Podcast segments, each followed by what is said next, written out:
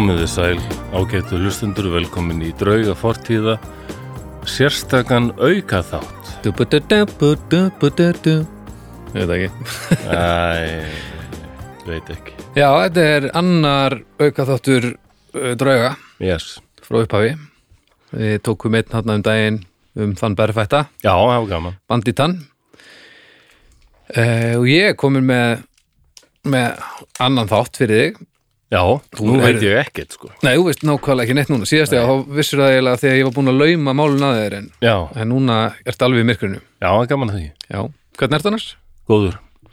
Ekki? Já, ég er að borða prinsbólu eins og Prins Bólo í hönd sækistanda. Já. Það Það er- margt vera Já, já. Það er, súkulaður held ég oft berga líði mínu, súkulaði kaffi og ís. Aha, Já, bara, við náttúrulega byrja hvern morgun á því að borðið ís? Nei, ég hugsaði hérna, ok hvaða ástæðu hef ég til að fermja ekki sjálfsmorð í dag? Það er um að gera bara, nú lítur að vera þetta það er bara, að ég væri nú alltaf, alltaf gaman að kaupa sér súkulaði og kaffi. Og og ís það er stundum bara, já, og ís. Það er bara, er, ég er reyndar minn upp á ís er reyndar með súkulaði og kaffið bræði saman. Ú, súkulaði kaffi ís já, er betra en að drepa sig.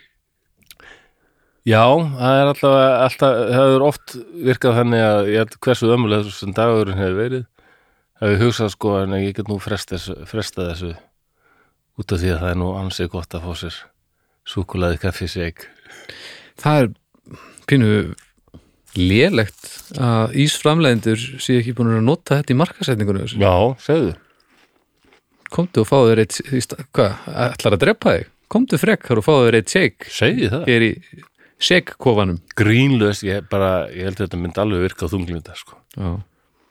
Það er einn segasta, segasta röð bara í heimi. Og bara margt annað sko. Þetta er nálgun á málið. Sérstu Dominos tilbóð á mánudum fyrir þunglindi sjúklinga Næs Ertu En þá þarf, að þurfa sálfrængar að gefa út einhver eitthvað. þá þarf að náttúrulega þingli, þinglýs ykkur Já, já, en svona, það er ímislegt. Já, jú, jú, pizzur er fínan, en, það er eitthvað við súkkulaði og kaffi. Það er bara, Já, það er huggun Það er huggun í þessu tennu sem er ekki í, pitsunni sko. já, ég er svona kannski aðlega að reyna að segja að það er hversu voðalegur sem stormurinn verðist oft vera og óviðu skíðin sérlega grá og svört þung, þá hef ég aldrei heyrt um neitt storm sem klárast ekki á endan. Það er rétt Það gengur yfir. Reyndar, hvað er það, Saturnus Er það ekki Saturnus sem er stanslu stormur? Já, alltaf á Júpiter. Júpiter, menna ég, já Fyrir utan það Já, hann er búin að vera líklega lengur í jörðun hefur, hefur í þetta. Já. Þannig að, þetta er, svipa langt. Þannig að þetta er ekki alveg rétt sko. Nei. nei, nei, meina, ekki ekki svona í hinn stóra sammingi. Nei, nei, þú ert ekki að leira Júpiter Nei, nei. Nei, já, og svo er það vist ekkit nema bara eitthvað gas. Að- Já, já, já, það að- telur ekki Við erum ekki að tala um gas Nei, ég held að við eigum Það er spennandi planta. Júpiter er vist, hérna, vissur það, Júpiter er okkar mikli verndari. Hann hefur svo ofsalett aðdráttarafl, mm. Eða hún, eða, Já, já.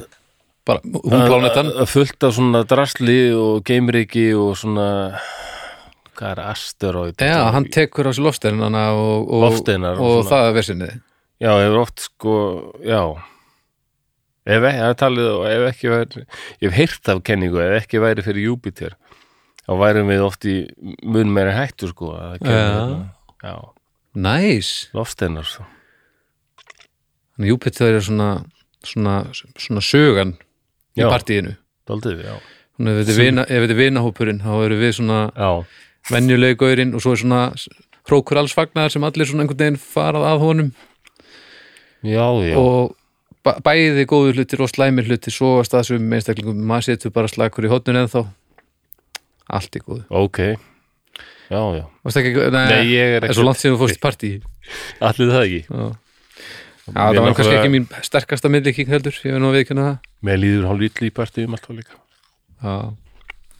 Já, það er ekki tilgangurinn með þeim þannig að Nei, einmitt. Nei, ég vil þetta ekki Það Kann ekki vera í partí. partí. En heyrðu, Já, eigum við að fara að huga þessu endilega, ég til. um, Ég uh, ákvaða að sækja í efni sem að ég bjóð til fyrir svolítið, þetta er sem sagt úr persónulegu safni Nó, ok. og uh, þetta er sem sagt uh, já, texti sem ég skrifaði fyrir fjórum árum eða svo Já, og þetta er persónuleg reynsla já, ok. hann ætlar að, ætlar að kynna mig þá inn í inn í lestrar leggin Já, alveg. Á, það öðru sér kynning fyrir svona auka þetta? Nei, ég bara, ég, ég get ekki sagt þetta því að þá hljóma ég eins og ég sé Skulum búið grundir að særa fram auka drauga fortið. Nei, þetta er ekki virka. Það er ekki. Um, við skulum heyra hvað Baldur ætlar að, að fara með okkur í núna í dag. Við skulum aðeins svona draga djúpt andan, kannski aðeins ligna eftir augunum og bú okkur undir að særa fram drauga fortíðar.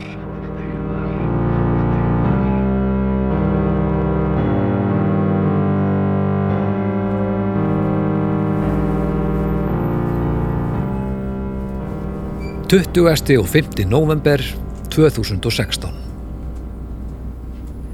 Við tókum rútu frá Bangkok til Siem Reap í Kambodíu. Ferðin var nýju tímar sem er ekkert træðilegt út af fyrir sig en eins og sumir vita er hryggurinn á veruminni í læginu eins og tvöfalt vaff á síru. Hún var sum sé alveg að drepast í dag eftir ferðina og ákvaða að láta nutta þetta úr sér. Ég ákvaða sjálfsögð að fara með.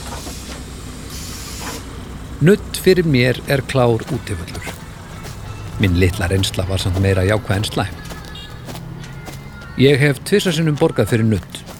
Einu sinni í Perú og það var bæði mjög spes og ekkert spes og einu sinni hjá Sigga skó á Akranesi og það var algjörlega frábært. Svo hefur minn helsti óborgaði nuttari verið þráin átni á skálmaldartúrum og þeir puttar geta gert mun fleira vel en að spila hröð sóló en allavega. Við dettum inn á nuttstofu. Það stendur spa stórum stöfum utan á húsinu og það er svona rólindi slökunatónlist með míti vassnið undir í andirinu. Við fengum nuttseðil og ákvaðum bæði að fara í 60 mínútna bak og herðanutt með dassi af andliti. Þar á eftir fekk maður að velja hvaða svæði þetta verka vel og hvaða svæði þetta forðast. Svo valdi maður styrkleika. Vera valdi medium, ég valdi stróm. Eftir smá lappasnertingu og te náði nuttarinn í mig. Hann var cirka 1,60 á hæð, mjóróma og virkaði mjög brotættur. Ég ákvað strax að þetta yrði medium í mestalagi. Hann teimdi mig inn í nuttarbyggið. Hann spurði mig hvort ég vildi fara í sturtu og það var mjög fallega gert af honum að því við vissum báðir að ég var fullkomlega ógeðslega ógeðslegur. Ég sagði já, fyrst og fremst af því að ég vildi að fjölskylda hans fengi sama mann í hendurnar í kvöld og fór út úr húsi í morgun. Eftir sturtuna lagðist ég svo á bekkin með andlitið í gatið og andaði að mér lótuslyktinni úr balanum sem var fyrir neðan. Svo var ræs. Hann tókaði niður sérsniðnu netabrækurnar sem hann let mig hafa og byrjaði nuttið í róleitum. Ég hugsaði strax, já, aumt, medium er í mestalagi. Hann strauk upp hrygginn með óþólandi mikilli mýkt margóft og alltaf þegar hann byrjaði í stróku rendan þumlunum upp raskurinn á mér. Verandi óvanur viðkenni ég að ég hugsaði um það hvort ég hefði orð hakaði happy ending En svo reknaði ég bara með því að þetta væri einhver nuttlenska. Fritt spil, svipa því að klappa einhverjum á rassin á crossfit-æfingu. Eftir fimm mínútur af þessu held ég að þetta yrði svona í klukkutíma. Það var rámt hjá mér. Eftir letta stróku frá raskati upp að hálsi, ítt hann mér með einni leiftur snöggri reyfingu langleðana niður í gólf. Ég veit ekki nákvæmlega hvernig hann gerði það, en hann gerði það. Ég veit ekki hverju brakaði mest, en það var bland af mér, honum, bekknum og mögulega grunninum í húsinu. Ég komst fljótlega að því að ég gæti ekki andað. Þannig að ég endur staðsetti hausin í gatinu, setti hökuna þess undir mig og sannfærið sjálfa mig um að ég væri með þetta. Þetta breytti engu. Barkakíli lokaðist á bekknum við hverja snertingu, sama hvað ég reyndi. Eftir kortir af þessu hnóði var ég alveg hættur að finna fyrir nokkru og var bara nokkuð sáttur við það. Taldi mig þá komin yfir versta hjallan. Það var ránt. Þá náði hann nefnilega í kólin. Held ég allavega. Ég sá þau aldrei en ég er nokkuð vissum að þetta hafi verið brennandi kól. Bakið á mér gjössamlega logaði og herbergið fylltist af lykt sem á venjulega gera mann svangan. Ég fann fyrir kólunum í svona tvær mínútur og þá dopnaði ég aftur. Þá spurði hann með brótættu kurteisu röddunni sinni Is everything all right? Ég sagði Everything is fantastic. Það var gisk. Ég hafði ekki hugmynd um það. Ég hefði geta fjarað út af innvortisblæðingum á nokkrum mínútum. Hann hefði geta verið búinn að flaka mig niður að gerfustum og ég hefði aldrei vitað af því. En þegar maður byður um stróng þá þarf maður að halda kúlinu. Eftir 20 mínútur af hreinsunureldinum var komið að andlitspartinum og hann bað mig um að leggjast á bakið sem ég gerði.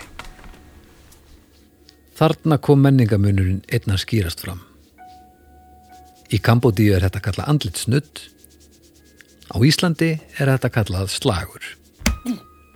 Hann stóð basically yfir mér í 15 mínútur og barði mig í klassu. Á launum. Og hann var engin aukvisi. Ég hefði sendt hann á hvaða ídalaball sem er án þess að hika. Síðustu fimm mínúturnar notaði hann svo í að klappa mér á öxlina. Svona mikið ert þú búin að vera duglegur.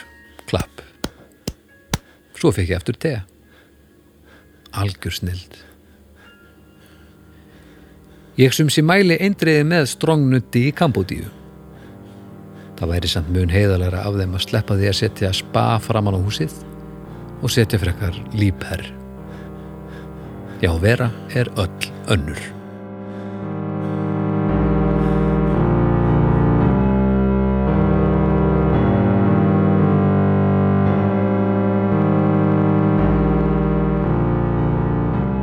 Já, Þá líkur lestri. takk fyrir þetta maður. Mm, Já, Ég átti, já, ég átti ekki alveg vona þessu. nei Þetta sem sé er sannsögulegt Já, já. um, Þetta er þegar við vera erum á ferðalegum Suðaustur Asju og komum til Kambodíu og, og ég, þetta, sérst, ástæðan fyrir ég valdi þetta er að þetta er sennilega það moment í lífi mínu ég hef aldrei orðið eins hissa eins og þegar að fyrsta sérst, fyrsta alvöru hnóðið byrjaði. Ég átti svo, svo engan veginn vona á neinu því líku sko. Bara, al, ég, mér dætti ekki hug að þetta væri að fara í gang. Og ég var svo hissa og ég átti svo ekki sens þannig að ég ákvaða að hafa svona þema þáttarins svona smásögur af fólki sem varð svolítið hissa já og ég ok. ákvaða að opna þetta á mér sjálfum þar sem að ég líka hérna, já, svona átti þessa sögu Já, þetta var alveg brútalt ég öfundaði þetta aldrei þessu að ég hef ekki, sko, þú nú ferðast meiri ég og þú hefur farið til ég hef vel að haldið mitt aldrei svona innan full mikið innan þægindamarka ég þyrst að fara til Suður Ameríku, Asíu ég hef aldrei gert það sko Nei. eða Afríku, Nei, Afríku. langar mig mest til Afríku sko. Já, ég hef aldrei komið þangað Mér er- gríðalega að fara þangað sko. Já, Suður Ameríka, Asía, jú, Japan daldið mikið en Afríka finnst mér eitthvað ofsalega heillandi sko. Bara- Já, svona þa- þangað sem ég hef komið Og far. Miðausturlönd. Já, og miðausturlund Íran og Írak þangað, já Það er svo vel talað þau, eru alltaf ykkur vesen sko. Það er alltaf eitthvað bras. Svo vil ég benda hlustendun líka um á þegar það að sko, það er kannski ekki allir frá Norðurlandi eða muna gömlu góðu sveitabállamenninguna og þegar Baldur talar um Ídalaball þá var hann ekki að tala um að þetta verið ball með það sem var allt fullt að hérna, Monsignore og ítölum sko. Ítalabal Já, þetta er ekki ítalaball, bara hafa það reyna þetta er ekki ball með ítölum heldur í ídölum Já, að ídölum held ég að maður segir mér Nú er það, já, ég held sem er bara félagsamili rétt á laugum eða ekki? Já, og skóli og, og þetta er hérna bara mitt á milli lauga og húsækur Já, kom mín kynslu og þín líklega líka þú er 84, ég er 68 Já, Við munum aðeins eftir þessum sveitaböllum. Ég er rétt næ Já, þú rétt sko, bara rétt síðustu böllunum sko. Það og þau voru samt svona- svona pínu með að segja svona, ó, gerum þetta eins og í gamla það og það var ákveðin svona nöfn sem maður var alltaf að heyra gegnum æskuna sko. Já, að njálsbúð í kvöld. Já, já, Ídalir, da, da, da, sálinna sjónsmís á fnjóska seli eða hvað, ég man ekki hvað þetta hétt alltaf, njálsbúð og ídalir sérstaklega voru alveg og var valaskjálf og svona flúðir, vala skjálf eigilstöðum jú, jú, jú. þetta er alltaf Miðgarður. Já, miðgarður, akkurat þetta, þú þekkir þetta betur ég þú er alltaf að spila á þessum mörgum af þessum stöðum Ég er búin að kofera öll félagsheimil á landinu Já, auðvitað. skálmöld, hálfutum eða leikumlótu. Það er bara þannig. Ég held að sé Já. ekkert sem að, bara ekkert félagsheimili sem er ekki bara pínu pínu lítið sem við höfum ekki gert eitthvað í, sko. ég var svo lítið í þessum sveitaballabransa sko, Já, mjög lítið já. Já, já, það, það. það er ekkert úr seint. Ég legg til að þú takkir eitt góðan sveitaballa rúnt já, næsta sumar. Flósi með gítarinn, eitthvað. já, það var í já, já Dansi, dans. En þetta var svona, ég var í hljómsveit sem var að spila og alveg mikið blandi póka hvað var vinsælt og, og það var enginn að hlusta á mann eitthvað. Nei, Ég nei, nei. bara, hvað, Þetta er svo ekki- ólíkt því að vera tónlistamæður sko. Já, þetta, þetta er ekki staður til að vera listamæður, sko. Nei, maður er En- eiginlega En að framkvæma stuð, ef þið finnst það gaman, þá ég segja að það er hillilega skemmtilegt. Sko. já, já, það er ákveðin list sko. Það er mjög mikið listgrein. Já, já En heyrðu, já, hérna, sem sagt, og já, ég hef ekki prófað, já, ég, ég er spáði hvort að sé þetta, þetta sé mikill munur á ykkur svona, hvort við erum að sjá hérna, bara einhvern menningar mun eða hvort að Kambodíu menn kannski að hlækki í þeim þegar kom ykkur vesturlandabúar og, og, og þessi maður bara hérna, sé skelli hlæjandi sko því að ég hann leikir sér að því að gera allskis vitleysu sem aldrei er gert við Kambodíu búa setja ykkur glóandi kóla fólk og sko ég held að þetta hafi allt saman verið eftir bókinni, Já, en ég held að hann hafi staðið við styrkleikan já, líka af því að hakkaði í það, líka eftir að hann sá ég gat það ekki. Ég er enda að anda mig gegnum þetta allt saman. já, Ég held að ha- hann hafi alveg bókað fundið fyrir því að, að ég var í nöðvörd, sko. já. En En hann var ekki að gefa afslátt? Hann var ekki að gefa afslátt. Nei, Nei, alls, ef hann var að gefa afslátt þá vil ég ekki vita hvernig það væri án, án, án, afslátta en þetta var, já, ég var bara ég hef aldrei orðið eins hissa held ég á æfinni, af því að ég fekk það sem ég bað um og kannski rúmlega það eftir að ég var búin að fullisa mig um að það myndi ekki gerast, af því að byrjaði ekki huga að þessi maður geti delivera þessum ósköpum sem að á mér dundu En- já eh, En á engun, engun tímapunkti samt Þú stóðst ekki upp og sagði, hey, ég bara geti þetta ekki, ég get ekki, ég, Nei, I ég- go now. ég var bara ég var bara að anda mig í gegnum þetta og bara, og bara flott. já, já, þannig laga þú veist, samt pínu svona En en, svo mjög mikilvæg spurning finnst mér líka, en hvernig leiði svo eftir? já, fýtt sko Já, var bara ljómuði góður uh, eftir smá stund þegar ég var svona þegar já, já. glóðuraugun voru aðeins fann að setna Og þér fannst þú kannski að hafa fengið eitthvað fyrir það eru 350 krónur sem þú líklega borgaði fyrir þetta. já, alveg klálega, bara ekki spurning Eða hvað allir þetta hefur kostað? bara ógeðslega lítið Já, en aðalatriði er þetta element of surprise já, ok. Þannig að nú ætla ég ekkert að tala meira um þetta Nú ætla ég bara að færa mig yfir í nokkrar litlar sögur Já, ok, það er meira að koma. Já. Það eru semst, já, en ekki, ekki einlega lestur heldur nú ætla ég bara að segja þér frá Já, nokkrum sögum sem ég fann um fólk sem að hefur orðið fyrir því að verða svolítið hissa all right. og við ætlum að byrja í bandaríkjunum um, í Michigan fylki þar fæðist uh, 1985, 5. oktober maður sem heitir Steve Flake Flake í Grand Rapids í Michigan það er rétt hjá bara þetta með Wyoming uh, þetta er bara held ég sama sama svona, sami kjarni einhvers Já, um, hann fæðist 1985 og hann er strax gefin til ætlaðinga 85 Já. Já. og hann er strax ætlitur mm uh, hann veit það uh, alla sína æfi hann veit hann er ætlitur uh, ekki, ekkert verið að fela það.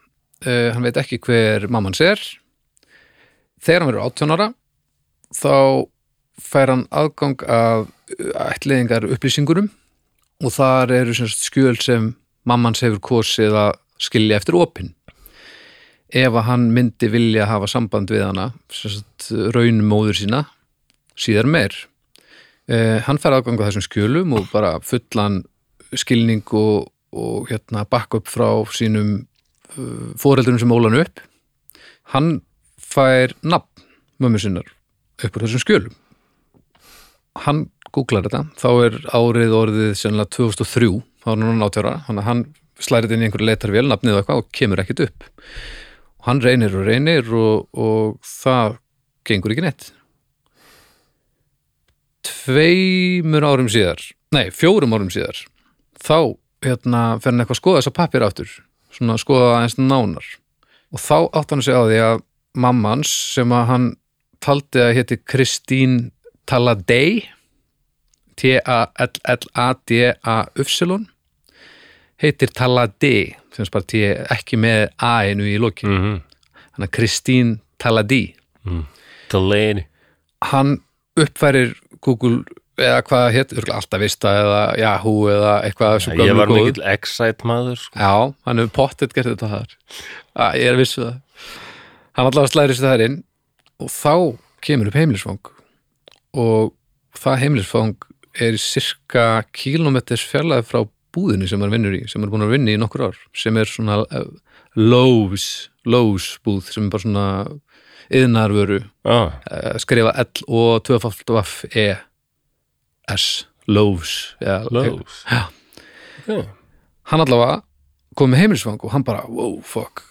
Fyrir vinnuna og bara að tala við yfirmann sinn og segja hann frá þessu bara, herði, já, ég bara var með nafnið vittlust allar hennan tíma og hún heitir hérna, Kristín Taladi en ekki Taladei eitthvað, Hvað svo er eitt kílómetra frá búðinni? já, er semst Það er heimilis ekki neitt. Nei. Drú, vá. Og þá segir yfirmaðurinn Já. já ertu að meina Chris Taladi sem vinnur hérna? Nei. Þá var sem sagt hann búin að vinna með mömmu sinni Nei. í eh, einhverja mánuði, hún var ekki búin að vinna þetta jafn lengi og hann sko, þau eru bara búin að heilsast og spjalla aðeins og svona og kemur í ljós að já, hann var búin að vera að vinna með mömmu sinni allan þann tíma, eða sérst mikið þeim tíma sem hann var búin að vera að leta henni. Og hann fyrir náttúrulega í baklás bara og, og þú er ekki að segja henni þetta og það líður einhver tími þangur til að einhverju vinir eða eitthvað fringi í hana. Að því hann vissi ekki að hann vildi ekki eðilegja fyrir henni stemmar á vinnustöðanum eða eitthvað. Vá. Þá kemur í ljós að hún bara ógæslega glöð. Veist, hún skildi þetta eftir opið ef hann vildi heyri í henni. Já, og þau bara hittast eftir vinnu og tala saman ógæslega lengi og, og þetta svona kom í blöðum og eitthvað þetta þótti Vá. frekar súrt dæmi þetta er alveg ótrúlegt já, þetta er frekar hella Bandaríkin er alveg stór sko Bara Og- í Texas getum við komið fyrir fjórum Íslöndum held ég Nákvæmlega. ekki meira sko þetta er nefnilega alveg gallsúrt sko. og, og svo komuðu hérna, fram í viðtali og, og þau segast eiga margt sammeilegt við fóru í sama skóla til dæmis og svo segast þau bæði elska rússibana og hata ólífur. Ég er svo aldeilis. Sem náttúrulega afskrifar við bæði sem manneskjur en þú veist, Já, hatt hann ekki ólífur í alvörunni? Það nei ég, þetta var Það fyrsta, er merkilega margir sko. Þetta var fyrsta litla sagan af, af einum sem var þessa þetta var hann Steve Flake Þetta er alveg Michigan. ótrúleg saga. Já, þetta hefur verið gallsúrt. Já, hérna. Standin á lagar eða eitthvað og hvernig hann alltaf hefur liðið síðan hann vissi þetta en hún ekki hvað það hefur hillilega þrúhandi sko. það er alveg förðuð hann hefur getað svona það er líka bara svo skrítið að hafa verið að spjalla við mömmu sína og vera að leita henni. Þetta er, já, bara áhugavert. Hjálpið með það mikið. Herðu, uh, einhverja frekari pælingar um þetta? Uh, nei. Ef að fara í næstu Nei, ég fór bara að hugsa um hérna á Íslandi sko, ég á svo erfitt með að skilja þetta sko, ég þekki fólk sem á fóreldra oftar feður. Já, sem hef, hefur ekkert samband við og hefur ég þetta aldrei hitt. Já, og að samt að búa hér á þessu litla landi sko, ég, ég, mér finnst þetta mjög ég held að svona upp, uppbyggingin og væntingarnar í fjölskyldum munstri eru svolítið aðrar hérna sko. Ég held að við göngum straðar við því Já, kannski ekki. Göngum straðar við því að sagt, líffræðilegi þátturinn kannski vegur aðeins minna. Er það Já, ímyndunum það- er það? Já, Kannski er það ímyndun. Ég held að vera svo mikilvægt á svona litlu landi í fáminni þjóð bara, ég myndi að vita þetta aldrei hver uh, En ef þú hefur aldrei þekkt, þú veist, fóreldræðina, ég, mamma sagði mér alltaf eitthvað svona hryllinsögu að því sko að hérna Þetta mamma hefði orðið mjög ánægð með Íslendingabókarappið sko já það, Já, mér skildist á henni að Íslendingar væri bara svona vissu svona mikið um ættfræði bara til þess að passa að þetta væri ekki of nálægt hvort öðru sko já, bara þannig að bilið fær ekki Já, þrengist með lögnana bara. Ég eftir því að ég var oft spurður af eldra fólki bara, hverja mann er þú? Já. og þetta segja bara hvað, af hvað ættum maður væri sko. Hversu langt aftur? Já, svona, meira svona landsluta sko. Já. já. hvaðan ertu ættaður og Já, hver er pappið þínum var fyrsta svarið. Það var sem mér fannst nú alltaf dátti erfitt að fá því að hann dóð þegar ég var átt ára. Já, það var dáin, mamma þín. Og Jó, Jóhanna. Að, og- en áfram hjælt fólk alltaf að spyrja, já, amma þín og hérna, hvaðan ertu, vildi vita og ég skildi þetta aldrei, en svo sagði mamma að þetta væri svona spurði fólk alltaf, já, bara til að vita svona hvað þú kemur og já. þetta hefur kannski verið svona ákveðin. Hún sagði svona hryllinsöður sérst af fólki sem kynntist á skemmtistað í Reykjavík örglega klubnum alveg vendur staður það sem nú er held í Hotel Kapin við Borgartún Ok, og hérna þar var par sem byrjaði að hittast upp frá því sko mikið saman svo kemur ljós að þau voru sískinni sko. hissa. já, það var Ó, skellur. og það var eiginlega algjör tilviljun en þau komist að því þá bara var einhver sem hafi verið mitt eign, einhver eignast einhvern veginn lausaleik og ekkert samband og, og, Já, og tekið upp annað föðunafn sko, já þetta breyti, breyti stemmarinn, sko. svona ring, ringul reið einhver Þetta er alveg þema þáttarins. Hissa. hissa, Við hafa já, verið hissa. já guðum almáð, Ekki, ekki, ekki gott hissa eins og, eins og Steve. já ég heldur ef ég man rétt þá sagði mamma þau hefðu orðið meir en hissa því að strákurinn reynilega þurfti bara að fara á geðdelt sko, Aha, já æ. Já, það er, það er jáðar hissa. Já, það er vont, það er mm. áfall Það er áf, já, það er ekki, kannski, mikið- ég er ekki að vinna með, jú, ég er reyndar að pína að vinna með áföll. Já. Allavega næsta er svona nærði að vera áfall, kannski, að sumuleiti. kannski er einmitt þetta áfall bara mjög stór skamtur af hissa oft Já, ég fann að hugsa eins og þú þetta gengur í já þú ert með fleiri sögur segirðu? komaði, já, já, já. já, Herðu, já, næsta, næsta er hissa, vissulega. Hissa er alright, já, uh, ávið, en áfall, við getum alveg sett undir áfall ok líka. já, Um, við erum uh, í þetta skipti í Edinborg árið 1723. já, Uh, við erum reyndar uh, svona, uh, 1724 gerist svona, svona atbyrjun sem við kannski fyrst og fremst að tala um en, mm. en uh, 1723 þá erum við reyndar í Kelso sem er uh, borg sem er einhverjum 60 kilometrum suðaustur af Edinborg Mm. og þar er Magga Maggie, Maggie Dixon hún býr bara gift bara sínum manni árið 1723 þá hver lætur sá maður sér hverfa. Og það er ólust af hverju það er hvort hann er að reyna að ræta sér einhverju vinnu einhver staðar eða, eða það er bara liggur ekki fyrir.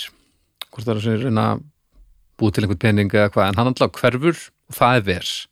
Mm hún þarf að finna leiði til þess að, að búti peninga og sjá um sér sjálfa og fyrir að vinna á gistiheimili í Kelsó. Mm. Þarna er Magga, 22 ára gömul og hún verður ólétt eftir svon eiganda gistiheimilisins. Einmitt. E, það er vesinn á rosalega mörgum levelum á þessum tíma af því að hún er ennþá gift hinnum mannum til dæmis og uh, þannig að veist, barn, ef hún myndi eignast barni þá verði það getið ólulega og þessi tilvonandi barsfæðir hennar svonur gisti heimilis eigandans, hann er yngri en hún og er alls konar svona skandala mm. skandala tækifæri fyrir þennan tíma sérstaklega. Veistu hvað hann var sirka? hann, Já, nei, ég Nei. veit að hún var 22 hann er kannski fyrir tvítur já, allavega bara það hann hefur verið yngri. Já, það eitt og sér, það var nóg til þess að bú, það er vers. Já, það er fyrðulegt Já, það er mjög fyrirlegt og náttúrulega hún hefði mist vinna og allt saman, þannig að hún Já. hérna hún ákveður að fela uh, þungurina, mm. fela óleituna fyrir öllum bara eins lengi hún mögulega getur. Á endanum þá fæðist barnið og það er ekki vita hvort það barnið fæðist uh, lifandi eða andvana en það fæðist fyrir tíman hún fer samdægurs með það út að á og skilur líkið eftir þar. Og það er talið að hún hefði mögulega ekki geta hent, hafi ekki geta hendi út í ströyminu eða eitthvað en það allavega finnst sagt, barnið finnst samdægurs við þessa á. Mm. allt bendir til þess að hún hafi þarna verið að, að bendir allt til þess að þetta hafi verið hún. Þó að engan hafi grunan eitt fram að þessu þá endaði öll rannsókn að vinna bara á henni. Já, og þannig að það kemur ljós bara staðfest að hún hafi eignast þetta barn. En það er ekki vita hvort að hún hafi mist, mist barnið eða hvort hún hafi myrta en hún er sendt til Edinborgar þarna. E, og það er aldrei réttarvöld og á þessum tíma er yfirvöldum drull um það hvort það hafi fæðist andvana eða hún myrta. Af því þetta er allt saman uh, gengur allt uh, yfir sem spannað að fela óléttu lögin. Jú, jú. það er það sem skiptir máli. Það er ekki það að hún hafi mögulega myrt barnið eða, eða hún sé mögulega að díla við að hafa myrt barn heldur það er bannað að fela óléttu. Já, já. Þannig að hún er dæmd. Þess vegna til döða mm hengjana það er Og henging. Er- ertu að menna bannaði félag óléttu en var ekki var freka fókusir á það heldur heldur en sko var barnamorð að hún hafi já, það er sérst bara, þú mátt ekki þú mátt ekki ok, úr sérst, ok, alveg hún er dæmd á þeim, þeim grundvelli. Kannski Já. að því að mögulega þá myrt hún ekki í barnið heldur fættist andvana. Já, hún er allavega dæmd til dauða á að út frá þeim, þeim rökum og það er þann annan september 1900, nei, 1724 og þá eh, er opinber henging. Mm. og það er bara fjölskylda og alþýðan og, og bara yfirvöld og allir mættir í, í svona netta fjölskyldu stund sem er Mhm. bara henging. Jú, jú. Hún er hengt, hún er látin hanga bara í þann tíma sem að fólk er látið hanga og hún er bara lífanna hún er tekin og sett í kistu kistan sett á vagn. Og afhend fjölskyldunni fjölskyldan tekur þennan vagn byrjar að ölta með þennan vagn á æskuslóðir hennar þar sem öll að grafa hana. Mm. verði eitthvað þyrst á leiðinu og fá sér einhverja hressingu þannig að þau stoppa við eitthvað eitthvað gisti heimili og er að fá sér einhverja drikki og eitthvað og vagnin er fyrir utan. Og þá byrja að heyra sljóð úr kistunni. Og þá, þá kemur ljósa Magga, hún er lifandi. Ég er svo já, hérna. Hún uh, jafnar sig Það á hengingunni. sterkur háls. Hristir þetta af sér og hún er náttúrulega frekar svona slöpp eðlilega, það var að Já. hengja hana. já, já, en lifandi.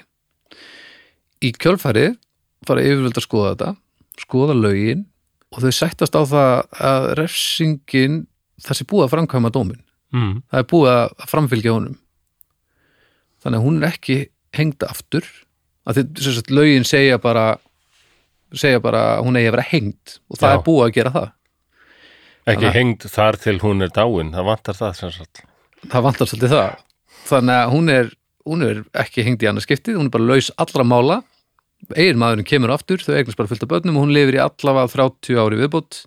Það er allavega skrá, skrásendinga til 30 árum síðar um að hún hafi verið enn á lífi hún var svolítið svona local celebrity því að hafa lifað þessa hengingu af og var kölluð halfhengd Maggie Dixon. Já, halfhengda Magga Já, var hún kölluð upp, úr, upp frá þessu sko. Eins og við vorum að segja orðalagi í lögunum var sagt uh, hengd eða það ætti að hengja hana. Mm. eh, 1719 var orðalaginu breytt í hengd until dead Einmitt. Þetta er sem er rammastólinn sko, það er alveg sko strömmurinn á fari getnum líka þeim þar til hann er hættur að sína lífsmark nákvæmlega. þannig að hreinu. hengd til dauða. Já, það var tekið fram og hún er sérst eini einstaklingur sem hefur lifað af hengingu í Skotlandi. Já ég, ég, það sem ég veit um hengingar þá er þetta þannig að þú ert látin sko detta niður. Já, svo það komið svona það farið í sundur sem sagt hálslið. Já ég veit ekki Þetta er frekar snöggur döðdagi sko. Já, þetta á að vera það. Það var eitthvað klúður. Það var eitthvað uh, Það glemdist að binda hendunar á hann minnum ekki Já, Þannig að þegar að uh, Hvað er þetta? Hengingar uh, reipið? Já. Hvað, heitir, hvað kallar maður þetta? aftur? um, Nú setur þú ennsku, ég veit ekki, er eitthvað sérstætt Já, já, já, Hengingaról allavega. Þá er hún með lausar hendur hún reynir svona eitthvað að losa losa reipið og eitthvað. Og böðlinn ætlar eitthvað að fara að djöflast eitthvað böðlast í henni. En e, þeir sem eru að horfa á byrja bara að grýta hann með grjóti að hann er ekkert verið að skipta sér að þessu þegar þetta byrjaða sko. Já, já. þannig að hann bara bakkar. En svo er hún ekki með lífsmarki þegar að þessu, Nei. þess, þetta er allt saman búið þannig að það var bara talið að hún væri dáin. En hissa faktorinn er veist, bæði það að vera bara að fá sér drikk heyra hljóðu Já, kistunni já, þetta, en þetta. kannski aðalega það að vakna í líkkistunni sko. já, og bara Halló, opna þetta. Þetta er hillilega pyrrandi þú er mikinn hausverk. Já, ég held að, úf og ég ætla eiginlega að slá því fyrstu að, að þetta leik yfir á áfall líka. Ég held að þetta hafi verið aðeins aðeins skellur. Þó svo að augljóslega sé þetta betra en hitt þá held ég að þetta fyl, hljóta fylgja manni aðeins út í lífið. Um, Ef mann rétt er til mynd, bresk mynd heitir hann ekki Timothy Spalding eða eitthvað svoleiðis að er frábæð bresku leikari. Mm. sem er svona, já, hann leik sko, myndin fjallar um síðasta böðulinn í Englandi sem mann sem böðul Þannig myndin kemur fram eitthvað sko, það er mikið um hengingar sko. ok, og hann pældi mikið í því hvernig reypið ætti að vera. Og hann, hann til dæmis er að fara minnir hann að fengi kredit í myndinu fyrir að, að sko sem sagt reypið sem hangir já. það er ekki haft beint fyrir aftan hnakkan á þér. Svo er stiði, já, stiði sér ekki við bara hrygginn Já, að, að, þegar þú dettur niður hann passa að hafa reypið þannig að komi alveg svona átak á hálsliðin og höfuð já. það, það bara, þetta færi sundur bara. Mjög síðasti böðl hvers eru í Englandi. Í Englandi? Já, eh, hvar voru það aftur sem er hérna, hverju voru það sem sáu um nasista hengingarnar á, Um, á fóringunum, manstu það? voru það englendingar? Já, er englendingar og bandarækjumenn, eða ég til bara einhverju þjóður sjálfur held ég. Ég held að það hafi verið kani, einhver slúberta kani sem var böðl, sem var algjört erki fíblu Er það? Ég hef ekki heyrt þetta. ok, það er hann við kannski konum með annan þátt ég klippi þetta þá bara út Ég held að enginn hefði samt sýrt, kannski ekki sýrt það, það var einhver slúburtingin í þetta jobb. Nei, en, en hann var ekki bara slúbert þegar að koma að þessu hann Nei, var líka ok. búin að vera slúbert frá manna og alveg hakka eintaka en hérna, það er eitthvað sem við getum skoðað síðar Já, ég verð brjálaður þegar ég heyri svona sögur, sko. svona, Bara þetta eru óteljandi sögur, ekki bara frá Skotlandi eða eitthvað, líka hérna á Íslandi, frá einmitt átjándu öld og jætvel nítjándu öld, Mm. ef ekki jætvel bara tuttuðust öld. Einmitt einhver kona verður ólitt eftir einhvern gaur Já. einmitt, og, og hann er hann er hérna sonur gistúsegandars, ég meina kannski voruð skotin og bæði til í þetta en kannski bara hótaði hann henni að hún er við reikinni eitthvað og ég veit ekki. Mm, en svo bara konan fær og og endanum er hún, allt henni að kenna. Já, hún er alltaf vandamálið. Já, og en einmitt við finnst aldrei sérst að heyra þetta um sko, mátt ekki leina óléttu. Mm, Hérna, en líka hérna í Íslandi þá var þetta, þetta var bara döðadómur sko, að Bart einhver Barn- utan hjóna? Já, þannig að þú þekki nú einn óhugnanlegast og hræðilegast hræðilegast óvættur sem maður getur mætt hérna í íslenskum þjóðsögum. Það er útbörðurinn já, og það er einmitt draugur sem verður til þegar barnir borið út til að deyja sko. já, Mér finnst þetta lýsa svo vel bara hvað það var reynt að hamla þessu því að þetta hefur ég ætla kannski verið aldrei algengt. Já. En það var alltaf konan sem var hérna svo vonda og hérna akkurat. Já, að hver margar af þeim voru, bara, var bara hreinlega nöðgað ég er, og svo bara verið að þröngva þú veist, er búið að þröngva fólki uh, með hræðslu úti að grípa til einhverju svona örþrifar á það. Já, og það er eitthvað svo mikið svona kristnin kemur aldrei sterkarnir líka.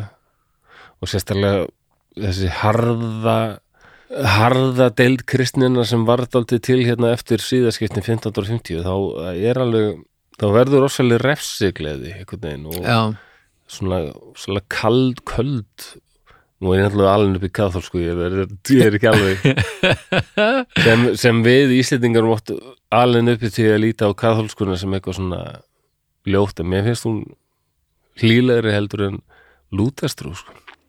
Já, þetta er allt bara pínu glöðulegt sko. Já, já, svo það. Þetta eru þetta er bara, larparar bara, bara í öðru búning bara.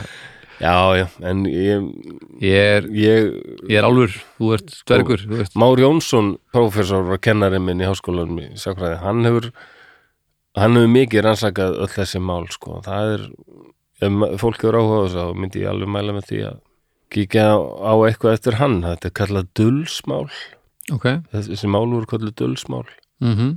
Sérstaklega fannst mér alveg ömulegt eitt sem við tókum fyrir. Ég held að það hefur nú verið á svipuðum tíma á þetta, sko. Ok, ef ekki bara um aldamótin 1700 að þá var eitthvað grunur það að kona hefði verið ólétt. Svo voru hann alltaf inn ekki ólétt lengur. Það var farið að rannsaka það. Mhm. Og þá bara kemur í ljós hún voru ólétt eftir pappa sinn sko, já, bóndað hérna einhvers staðar en, en síslumanni líst ekki alveg á þetta því hann átt að segja því að þessi kona hún veit ekki neitt, hún hefur eiginlega aldrei farið út fyrir húsins styr. Og veit bara ekki um veröldinu kann ekki að lesa eða skrifa og nei, honum finnst hún ekki vera seki aðeilin hérna, sko. nei.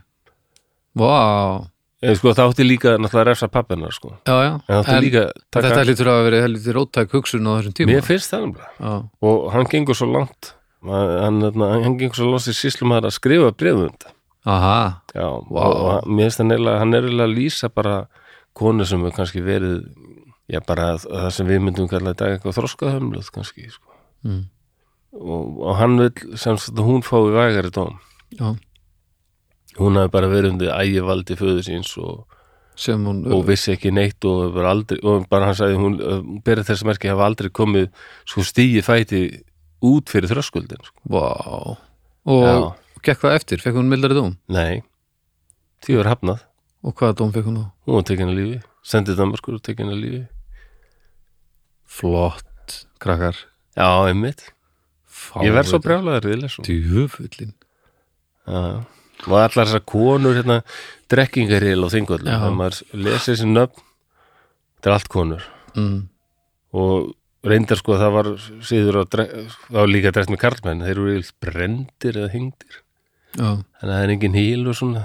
Nei, það var svona, spara heilin fyrir konunnar Hva? já það þátt eitthvað svona hugulegra kannski að drekja þeim. Já, og fara í bókar, miklu meira næs. Og í bara.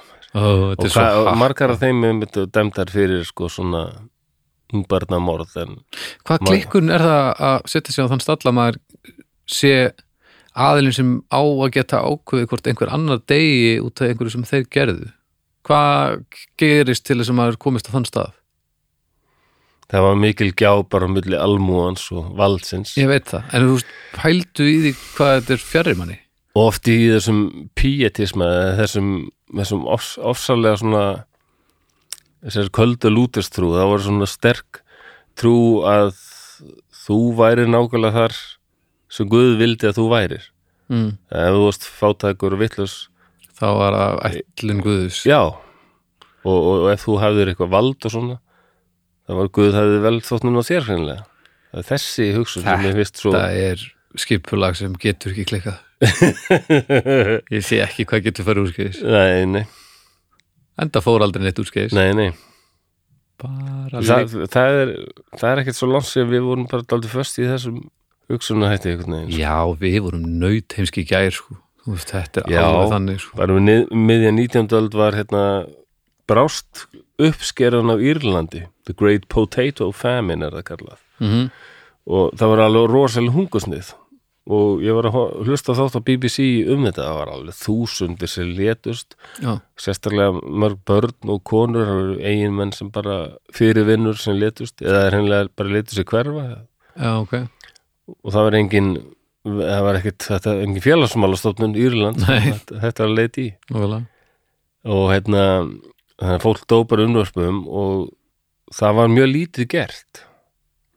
Því það var svona margir sem bara trúði því bara, já þetta er Guðs. bara guð, já. Ó, Írar eru náttúrulega daldið svona lúða lið eitthvað og, og guðill eitthvað refsa þeim og þeir eru líka kathólskir og svona. Já, já, það er auðvitað sko guð hefur meiri velþóknun á okkur.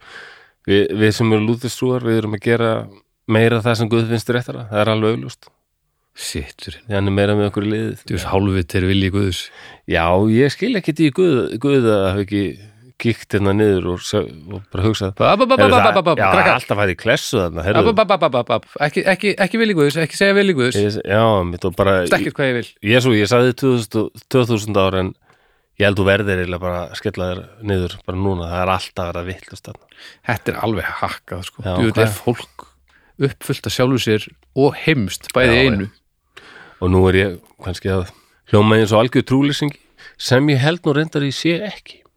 Nei, þú talar stundum eins og þú sérst ekki alveg trúlýsingi Nei, ég er alltaf spiritual sko. Ég, Já, en ég held að þú sérst þú átt samt ekkert auðvöld með að lappin í eitthvað ákveði hús og segja að þetta er gallinn sem að þessi á nei, að vera í þegar hann tengist þessum sko. Nei, ná, ég er alltaf sakfræðingur aðeins kynnt fyrir söguna. Já, já. Og hérna svo bara, þetta býður bara sem mikla rosalega misnótkun sko. Já, og það er misnótkun, það hefur komið í ljós svona seinni árum, það er eitthvað orð sem á alveg við mar mörg að þessum skipuluðu trúabröðum og kirkjum. Já, Það- mörg að þeim er alltaf bara byggð upp til Já. þess að halda fólki föngnu í viðbjöður sko. Þetta er algjört ógið En já, hún er svona meira spiritual heldur en ég Já, ég ég á alveg samræðið við guðstundum sko. Já. Það ég, það sko, Sören mun- Kirkigort hensbyggingur, hann sagði um leið þú tekur þetta leap of faith eða hérna eða, stekkur frá skynnseminni yfir trúarlífið mm. þá er komin í allt hann heim, það er ekki þetta samin að þessa Nei, og hann, hann, hann, talaði vist mjög oft um þetta atrið í biblíunni þegar Abraham á að myrða svon sinns sko. já, óþarfi. Já, mann finnst, hann segi, en náttúrulega við lítum á þetta með skynnseminni þá er þetta algjör geð ekki. Já, bara óþarfi. En gera séð er þetta alveg fullkomlega skiljanlegt. En ég get ekki útskýrta fyrir þér af því að þá þarf ég að nota skynsým og það er ekki Sören Já. er mjög áhugaverður kall.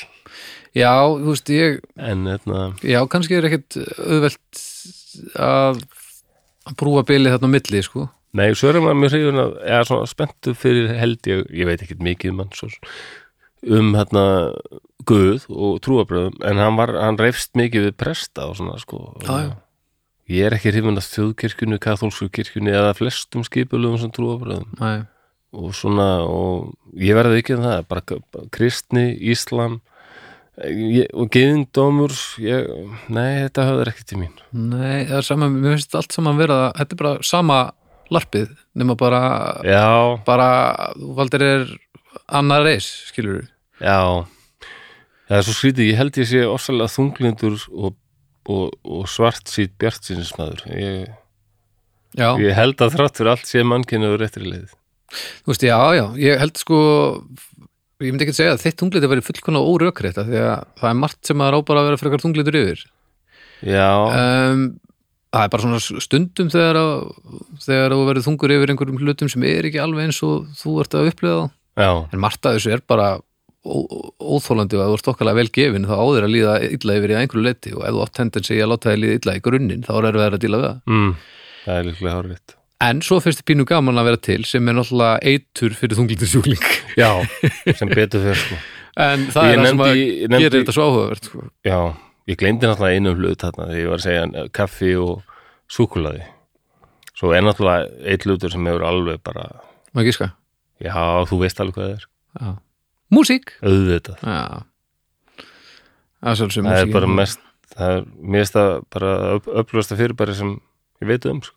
já, og bara mér finnst það galdra sko, tónlist hryllilega svona leiðilegt að vera bjarsin í þunglindisjúklingurinn svona Já, en þessi frekar að ég sé sko þunglindis þung, þunglindur húmanisti ég hef Já. þrátt fyrir allt einhver að trúa mannkininu og verður ekkert fyrir aðkastið frá hinnum þunglindisjúklingurum eða eitthvað Nei, þeir eru flósi hættu þessari bjarsinni Nei, maður. nei, nei, þeir Nei, nenna nennis ekki. Nei.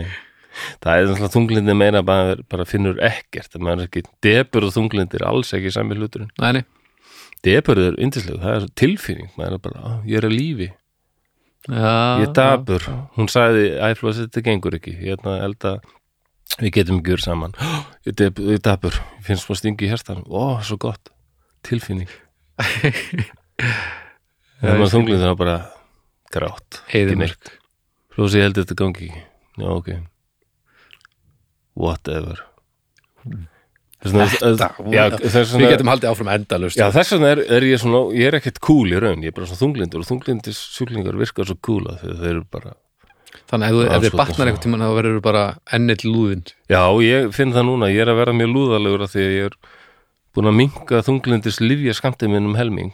Já, og þá lettist alveg yfir mér og ég, ég finn það strax að ég er fann að vera algjör lúði, sko. Það við, við rættuðu Heyrðu. strítgöndi einhvern veginn það er einsaga eftir, ég er spennt. það er einsaga, já, já. Uh, yfir í allt uh, veist, hún Já, er svona nuttsaga frá Kambodíu, Já. kona hengd í Skotlandi og og Þetta er mjög maður vinnur með sin- nei, með mömmu sinni í, Jú, já, já, alveg hérna bara nýlega Já, uh, við förum aftur til bandaríkjana uh, við förum til Alaska já, ég veit hvað Alaska er. Þú horfir á mig eins og ég bara, já uh, það er stórt fylki. Vestu reyndar, það er líka bestu kaup sögunar í mannkinsögunni, bara alltaf. hvað? Þegar bandaríkjumenn keiftu Alaska af já. rússum á 7 miljónir dólarum minn. 7 miljónir dólara það Sem er þótti, lítið á fermetrann maður það þótti freka mikill peningur kannski þá og rússar, rússum hans þeirra að gera góðan díl. já, Nefndi ekki að þetta var aldrei langt frá Rússlandi já, og, og lítið að hafa þarna nema bara, að, jú, mikið af skinnum af einhverjum dýrum og kannski það smá fiskveiði það eða samt. aðalega voru þetta skinnin sko. já, það er bara, það er bara bandaríkjum keft þetta. Svo náttúrulega bara, leyndist ímislegt já, og svo bara eitthvað maður eitthvað veðsennast þú sér glitta í eitthvað í jörðinni. Mm hmm, ah, það er bara allska fullt af gulli. Jöp, og líu líka. Góð dýl alveg, þetta er, bestið í sögunar, ég er á því. Og náttúrulega ógeðslega öll að búið til postkort taka myndir af þessum fjöllum þarna og setja postkort það er minn góður, gull nám út af fyrir sig sko. en ok, við erum að tala um Litueia Litueia uh, Bay. Litueia Flóa. Hmm. uh, þetta er 1600 kilometrum frá uh, Barefoot Bandit dæminu öllu saman. Já, já, já. Þetta er hérna bara norðvestur uh, af Seattle og þar já. þetta er bara við Alaska Flóa Mm. um, við erum að tala um 9. júli 1958 58 já. já, og þar er þessi Lituia flói, myndi maður kalla þetta bara eitthvað svona lón einhvern veginn sem að uh, þú siglir inn í það það eru fjöll allan hringin í þessu það er jökull sem heitir hérna Litueia jökull sem svona gnæfir yfir og ofbúðslega há fjöll á allan hringin sem eru í rauninni brött alveg niður að vatni sko, alveg niður að sjó og þetta er svona mjög, mjög fallegur áhugaverð staður mm. og þanga var, var fólk mikið að sigla inn og, og, og, og gerir enn nema hvað að þann 9. júli 1958 þá eru tveir bátar frekarnir þrýr inn á flóðanum. Og ég ætla að byrja að tala hérna um Howard G. Ulrik og Sonny uh, Ulrik sem eru sjöður og sonur hans. Þeir mæta þarna um morguninn og, og, og láta akkerið bara falla og, og er eitthvað að leggja sig. Ekki, voru þeir að fara að veiða fisk? Já, Já, þeir eru að fara að veiða. Og þeir eru svona miðjum flóðunum sirka en þeir vakna svo allt í hennu við einhverja drunur og bátunir hristist og eitthvað og ægilega læti. Og þeir fóna svona eitthvað að skoða ykkur einhver sig og tveimur og hálfur í mínútu síðar þá heyrist ofbóðuslegur kvellur yfir gengilegur kvellur úr loftið eða bara allt, allt umkring? allt um kring í rauninni er bara Já, já. yfir gengileg læti. Svo sjá þeir þar sem flóðbylgja byrjar að myndast. Uh, hún er svona að stækka svona 2,5 mínútu til 3 mínútum þá er hún bara að byggja sig upp og koma í áttin að þeim. Og þeir svona sjá hann að vera hún er að verða til en hún er kannski ekki orðin að öldu ennþá. En hún kemur til þeirra á 160 km hraða um það bil. Og þegar hún lendir á þeim þá er hún orðin svona 20 til 30 metrar há. Akkeri lá niðri það gafst engin tími til að draga það inn. Og um leið og aldan kemur þá slitnar keðjan. Og þeir keira bara upp í ölduna alla leiðina upp í topp og berast með henni sennilega langleiðina út á sko stóra flóan út úr þessu, litl, þessu minna lóni ég mun henda korti. Reyna þeir að keira keira upp í ölduna Já. en aldan færi þá svolítið langt út úr flóanum og svo berast þeir aftur inn með svona baköldunni aftur inn á miðjan flóa og bara fara lengst upp á þessu öldu yfir og tilbaka. Eh, annað sjónarhóttna sama og svona gefur okkur kannski aðeins skýrari mynd eru Herra og Frú Svansson. Og ég skal nú bara sína þér þessa mynd hérna og ég skal setja þetta bara beint inn á inn á umræðuhópin þetta er svona, hjálpa manni að, að átta sig á þessu. Þetta er sérst svæði sem maður er að tala um það er svona lítil eiga þannig miðunni Já, og það er svona, hvað kallar maður þetta tangi hérna út á við opið, það er svona já tangi þetta sem, er hann, svona tangi já, sem, sem lokar fyrir. Rif eða, já, já, eitthvað rif eða Já. einhver tangi. Og, og uh, herra og frú Svonsson þau eru sem stödd þarna í lítilli vík alveg við þetta rif, bara alveg við inngangin inn í flóan mm. það byrjar alltaf hristast. Já þetta er sem sagt jarðskjálti og það bara gengur uh, báturinn gengur til á vatni og það er bara allt á miljón mínútu síðar þá er Svonsson að horfa inn í flóan til að reyna átt að sjá því hvað er gerast og þá sér hann jökulinn. Og jökullin er sem sagt búin að færast. Hann, jökullin sést ekki þaðan menjulega og hann sér jökullin núna. Hann virðist samt vera í heilu lagi búin að ganga fram og hann virðist vera að hoppa allur og skoppa til. Hann er samt í heilu lagi. Já, hérna. Og svo byrja stórir bútar að detta. Og eftir smá stund hverfur hann aftur bak við uh, fjallið og hann sést ekki lengur en hann sá hann í smá tíma. E, það molnar svona djöfula úr jöklinum mm. og það verður svona yfir gengilegt grjótrun og bara skriða þetta fellur allt ofan í sjóin það er að sama. Þau sjá ölduna byrja að byggjast upp nema þau eru náttúrulega miklu lengra frá. Verið, svona, hann var að giska að hún hefði verið, verið 15 metrar á hæð til að byrja með. Þá tók hann svona fjóra mínútur að ná til þeirra. Og þá er hún orðin miklu, miklu stærri og þá er hún orðin alda. Þau bregða þar að að snúa bátnum frá og enda með því að fara með öldunni bara eins og á brimbretti á bátnum sínum. Já, hérna, ok Það er sama aldan og feðgarnir Já, nema hún er bara gengin lengra Já, og orðin miklu stærri. En þá tekur við tangin sem lokar þarna af. já, Þau eru náttúrulega bara alveg upp við hann. Aldan sem sagt rýfur bátinu upp og hendir þeim yfir tangan. Og tangin er svona 200 metra breiður. Og herra Swan lítur út svona niður fyrir sig þegar hann er að að bretta yfir tangan og hann er að á þessu svona 25-30 metrum fyrir ofan trátoppana þannig að Vá. á tanganum hann er allur í trjám og þeim er hent yfir það allt saman lengst yfir það lenda svo bara út á Alaska flóa uh, og báturinn í steik og þeim er bjargað þaðan tveimur tímum síðar og ef við fyrir maður þessi tölfræði núna, hvað gerðist? Já, það kom jarðskjálti sem Já. alveg við rótina á þessum flóa. Átta áriktir já, það er nú mikið. Það er ekki smáræðið maður. Nei, það eru 30 miljón rúmmetrar af grjóti og ís sem dettur 914 metra ofan í vatnið.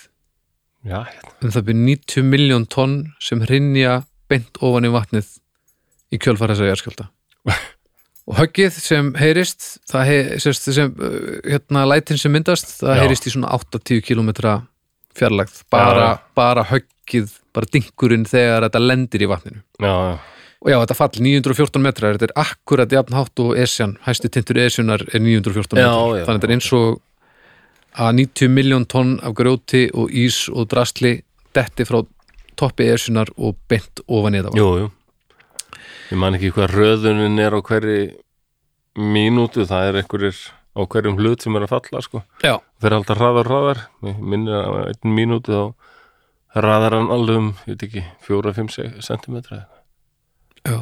eða hvort að sekundi, ég er reynilega maður ekki pælum því, En þetta sem sagt býr Vá. til þessa yfirgengulu flóðbylgju sem að að hreinsar burt tré á hæsta stað þar sem að hreinsar burt tré yfir flæðamáli það er 524 metra hæð. Þetta Nei. gengur upp á bara þvertnýft fjall 524 metra upp og hreinsar burt trjálínuna. Þannig að núna eru mjög skýr mörk nýju tréin og eldri tréin að þetta hreinsaði bara burt allan gróður allt umkring allan flóan. Já, hérna, 524 metrar, F-filturinn er 300 metrar. Þannig að þetta gengur herra upp á land en F-filturinn og Hallgrímski turni, við vorum að tala um um daginn 74 metrar, 75 metrar. Já. þannig að þetta er eins og 7 FL, nei, 7 Hallgrímskirkjur turnar og þeim var að stapla ofan hvern annan flóðbylgin gekk það hátt. Nei. Og burt tréin rosalega þar. svo er þetta sko, búið að skoða þetta í kjölfarið. Þetta svæði er jarðskjöldasvæði og það er búið að staðfesta að það hafa verið svona stórar öldur það var staðfest fyrir þetta uh, annarkvort 1853 eða 1854, 1874 1899 og 1936 já, og það var búið að sjá sagt nýju trjálínuna og nýju bara nýju svæðin sem verða til við hverju öldu, það var hægt að sjá þetta út frá þeim.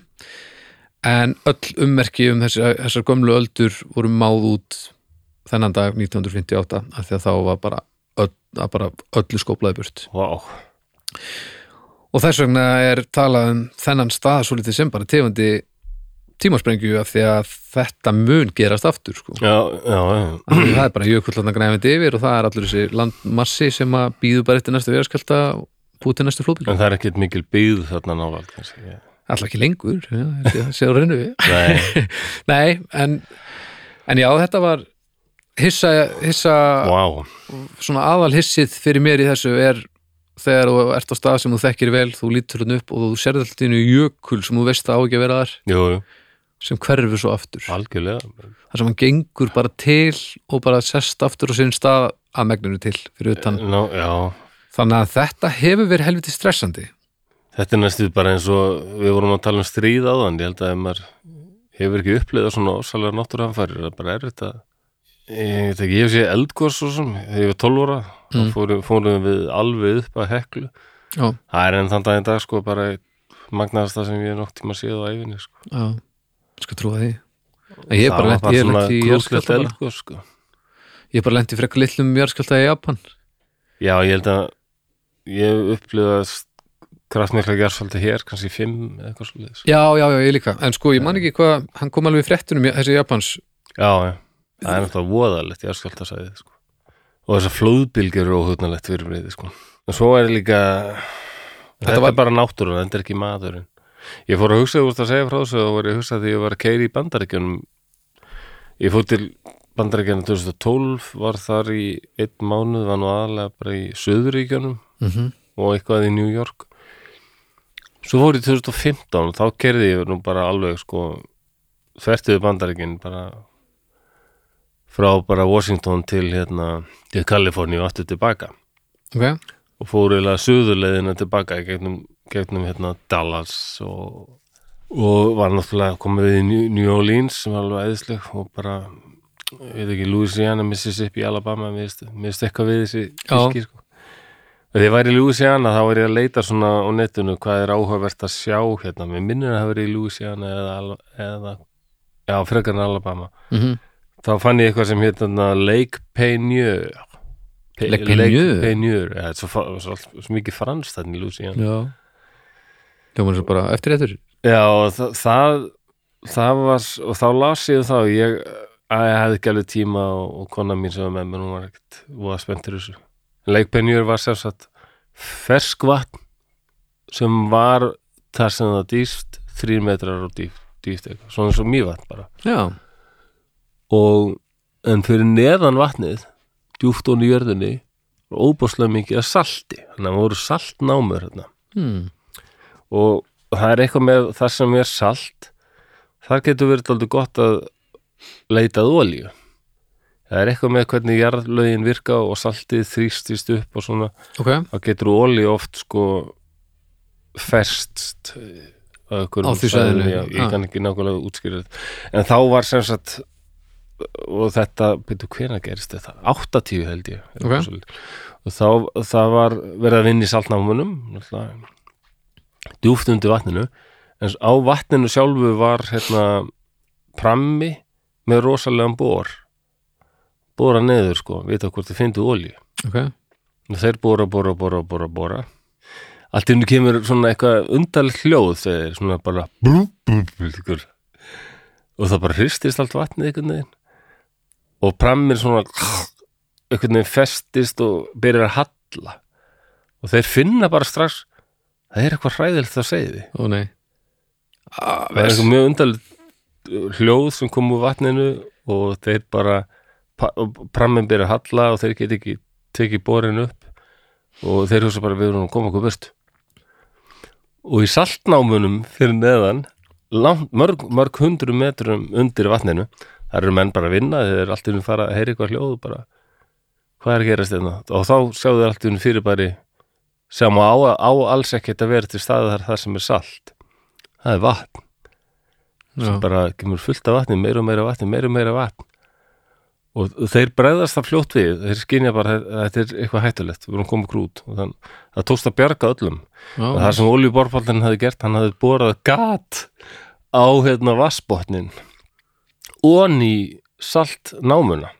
Vandræðilegt já, hann eða þarna var en gatið var ekki nema en svona svona ég veit ekki hvort það hefur verið 30 cm á breyt, þetta var ekkit rosa gat. En það var nótið þess að þarna var komið gat og vatnið bara þrýstist af sturluðum kraftið þarna onni Rífur allt í sundur náttúrulega um leið og... Já, og þeir voru ekki fyrirkomnir af þessum olíu pramma og í land þeir sáu bara að byrja að myndast alveg svakaleg hérna, bara svona svelgur, já, svona svelgur, hvað heitir það, svona ringi eða? Ringiða, akkurat. Og vatnið hvarf. Þetta er svo mikið teiknumilla nema náttúruhamfarir. Nema það að það var hérna það var kanal sem lá frá vatninu út í Mexikóflóa held ég, út í sjó. Já, það var rannsætt vatn úr vatninu í Mexikóflóa mhm. þarna, en þarna bara hverfur allt vatnið úr vatninu. Þá bara snýst þetta við.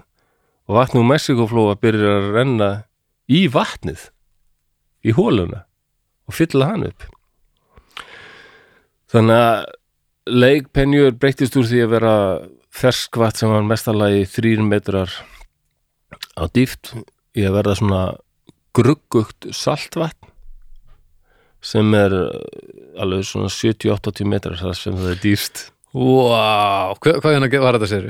Þetta var 1980, eitthvað svo leiðis og þetta er allt bara mann, mannaglúður maður. Þetta er verið dýrt. Já, her, já ég, ég sá einhvern tímann þegar ég var að lesa um þetta þannig að ég langaði alltaf aldrei að sjá þetta sko. Að sé einhver einn náungi sem að Já, það var eitt þarna sem einn maður sem var út á vatnin að veiða. Hann og hann var með þess að enda á bátnu sko, þannig að sá, fann bara að það var að myndast svona einhver svölgur sko. hann vissi náttúrulega ekkert hvað þið gerst. Nei, en hann skynjaði bara, mér líst ekki alveg á þetta það er eitthvað undarlegt. Það er ekki í land? Hann kom sér land, Ah. hann sagði að hann rétt slapp sko, annars bara hann, Þetta- þetta er rosa Heldur að sé einhver einn sem er hægt að kenna um þetta? Heldur að sé að við einn? Já, algjörlega, Texaco þurft að borga alveg svoleiðis. En sérst ég meina einn einstaklingur innan Texaco það gæti, það gæti verið Einhver ákveðin sem svona aðeins lengra. Já, þeir, þeir voru að bóra á vittlusum stað. Þeir Ó, hérna þetta er svo vandræðilegt Hérna, já, við höfum svona að vera hér við höfum að passa okkur að bóra ekki það sem saltnámurnar eru, þegar það var alveg vita þeir voru bara því miður við yllu stað. Ó, kemur Tim heim úr vinnunni bara Já, ég elskan smá klúður Ég það. hérna ferskvars uh, vatni og ert í sjó. Það er nú einnig annað þátt að tala um klúður sko, það er náttúrulega orðið Klúður svo mannkyns. fárálega klúður bara út af því að var komma á yllu staði eitthvað sko. Já, klúður mannkins, Já, það það- er eitthvað. þegar Evróska gemvísindastofnunin og held ég NASA unn eitthvað saman Já. og það var eitthvað gerfinnöttur sem bara sem var skotið game og hann bara fór ekkert þangað sem hann átt að fara og bara brann upp og tugir ef ekki hundruð miljónir dólar að fara í súgin út af því að, að einhverjir vísindamannana höfðu ekki notað metrakerfið Klúður. Já, Klúður? Heldur reikna allt í fetum og tómum Það er smá. Já, klúður? Ó, það sé alveg regla hjá NASA núna það er alltaf notast við metrakerfið ég held að það sé. Ég held að ef að ef við hittum einhvern tímann aðrar lífverur Já, og það eru, þú veist bara önnur vistkerfi til á eitthvað þá verður mannkynið svona litli heimski frændin sem að er ógæslega fyndið að segja sögur af en þú ert ekki til að hitta á hverjum degi. Nei, vonandi. Já. Já, ég er alveg sem bara að veistu hvað mannkynið gerði já, það gataði sjóin eða eitthvað og það eiðilaði allt og það var hryllilegt sko. það eru löngu byrjaður á þessu. Gemur, ég er alveg sannfæður um það. Heldur það séu bara Já, það er er ekki þetta einhver tíman í framtíðinni, það er örgulega að hugsa einhver tíman í framtíðinni það voru kannski möguleik hvað þetta hafa sambandið þetta liða núna, nei, svo bara alveg fylgjast með um og fjarska sko. lefum aðeins að að þinna, Já. þinna sér fyrst ég er sannfæður um það Já, ég er nokkuð trúaður á gemur sko.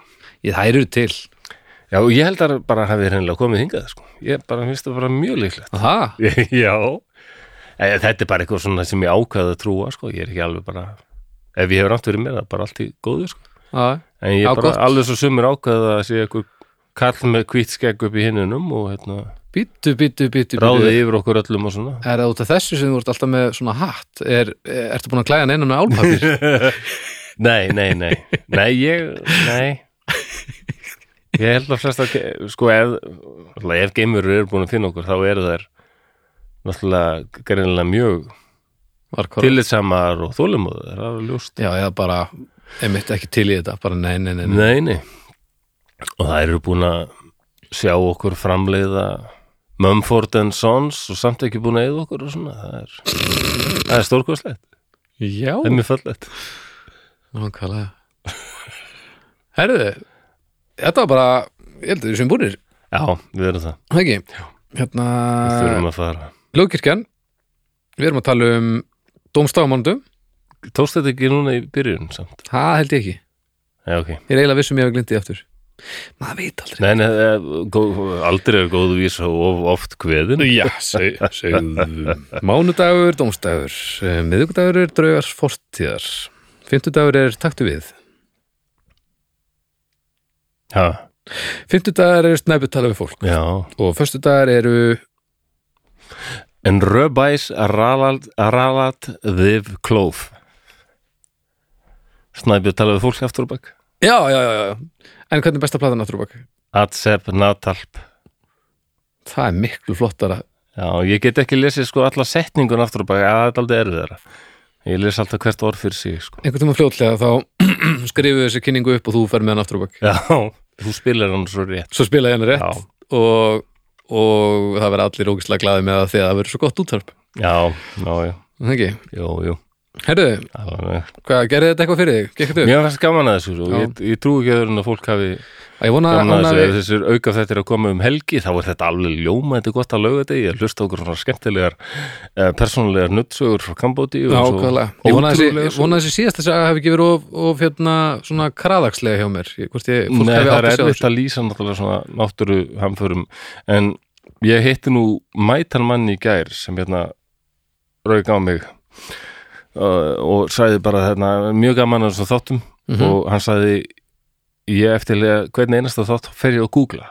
Ég fer á, þetta sem þau eru að tala um ég var að Googla. Sko, já, Já, ég held að margir gera það, það er um að gera. Já, já einmitt á þessu Google þið, ef þið finnið eitthvað eitthvað eitthva djúsi og betastætt þá sjálfsögur fleitið inn á Já, já. af því að það er heil her þegar við erum að taka þetta upp þá er umræðahópurinn að slaga í 15, ég held að 15 mann séu búin að, atta sér núna.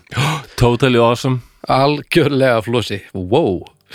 og uh, ef þið er ekki komin í þetta nú þegar þá skulle þið hérna, koma og betast í hópinn og, ekki vera óhrætt við að, setja inn fróðleikspunkta og, og vanga velturarnin þetta er allt saman bara þetta er falluð félagskapur og við erum bara að skoða þessi máli róli mm saman. Akkurat annars heyrist við bara næsta miðvikudag eins og vinnulega já það er dó- dómstafur á morgun sem sé já það er náttúrulega, ég held að þetta sé á við, sendum við þetta ekki út á sunnudegi síðast jú, ég held að Já. En allavega, þangað til næst þá bara byrðum við ykkur vel að lifa og, og heyrumst á miðugdæn. Bye bye.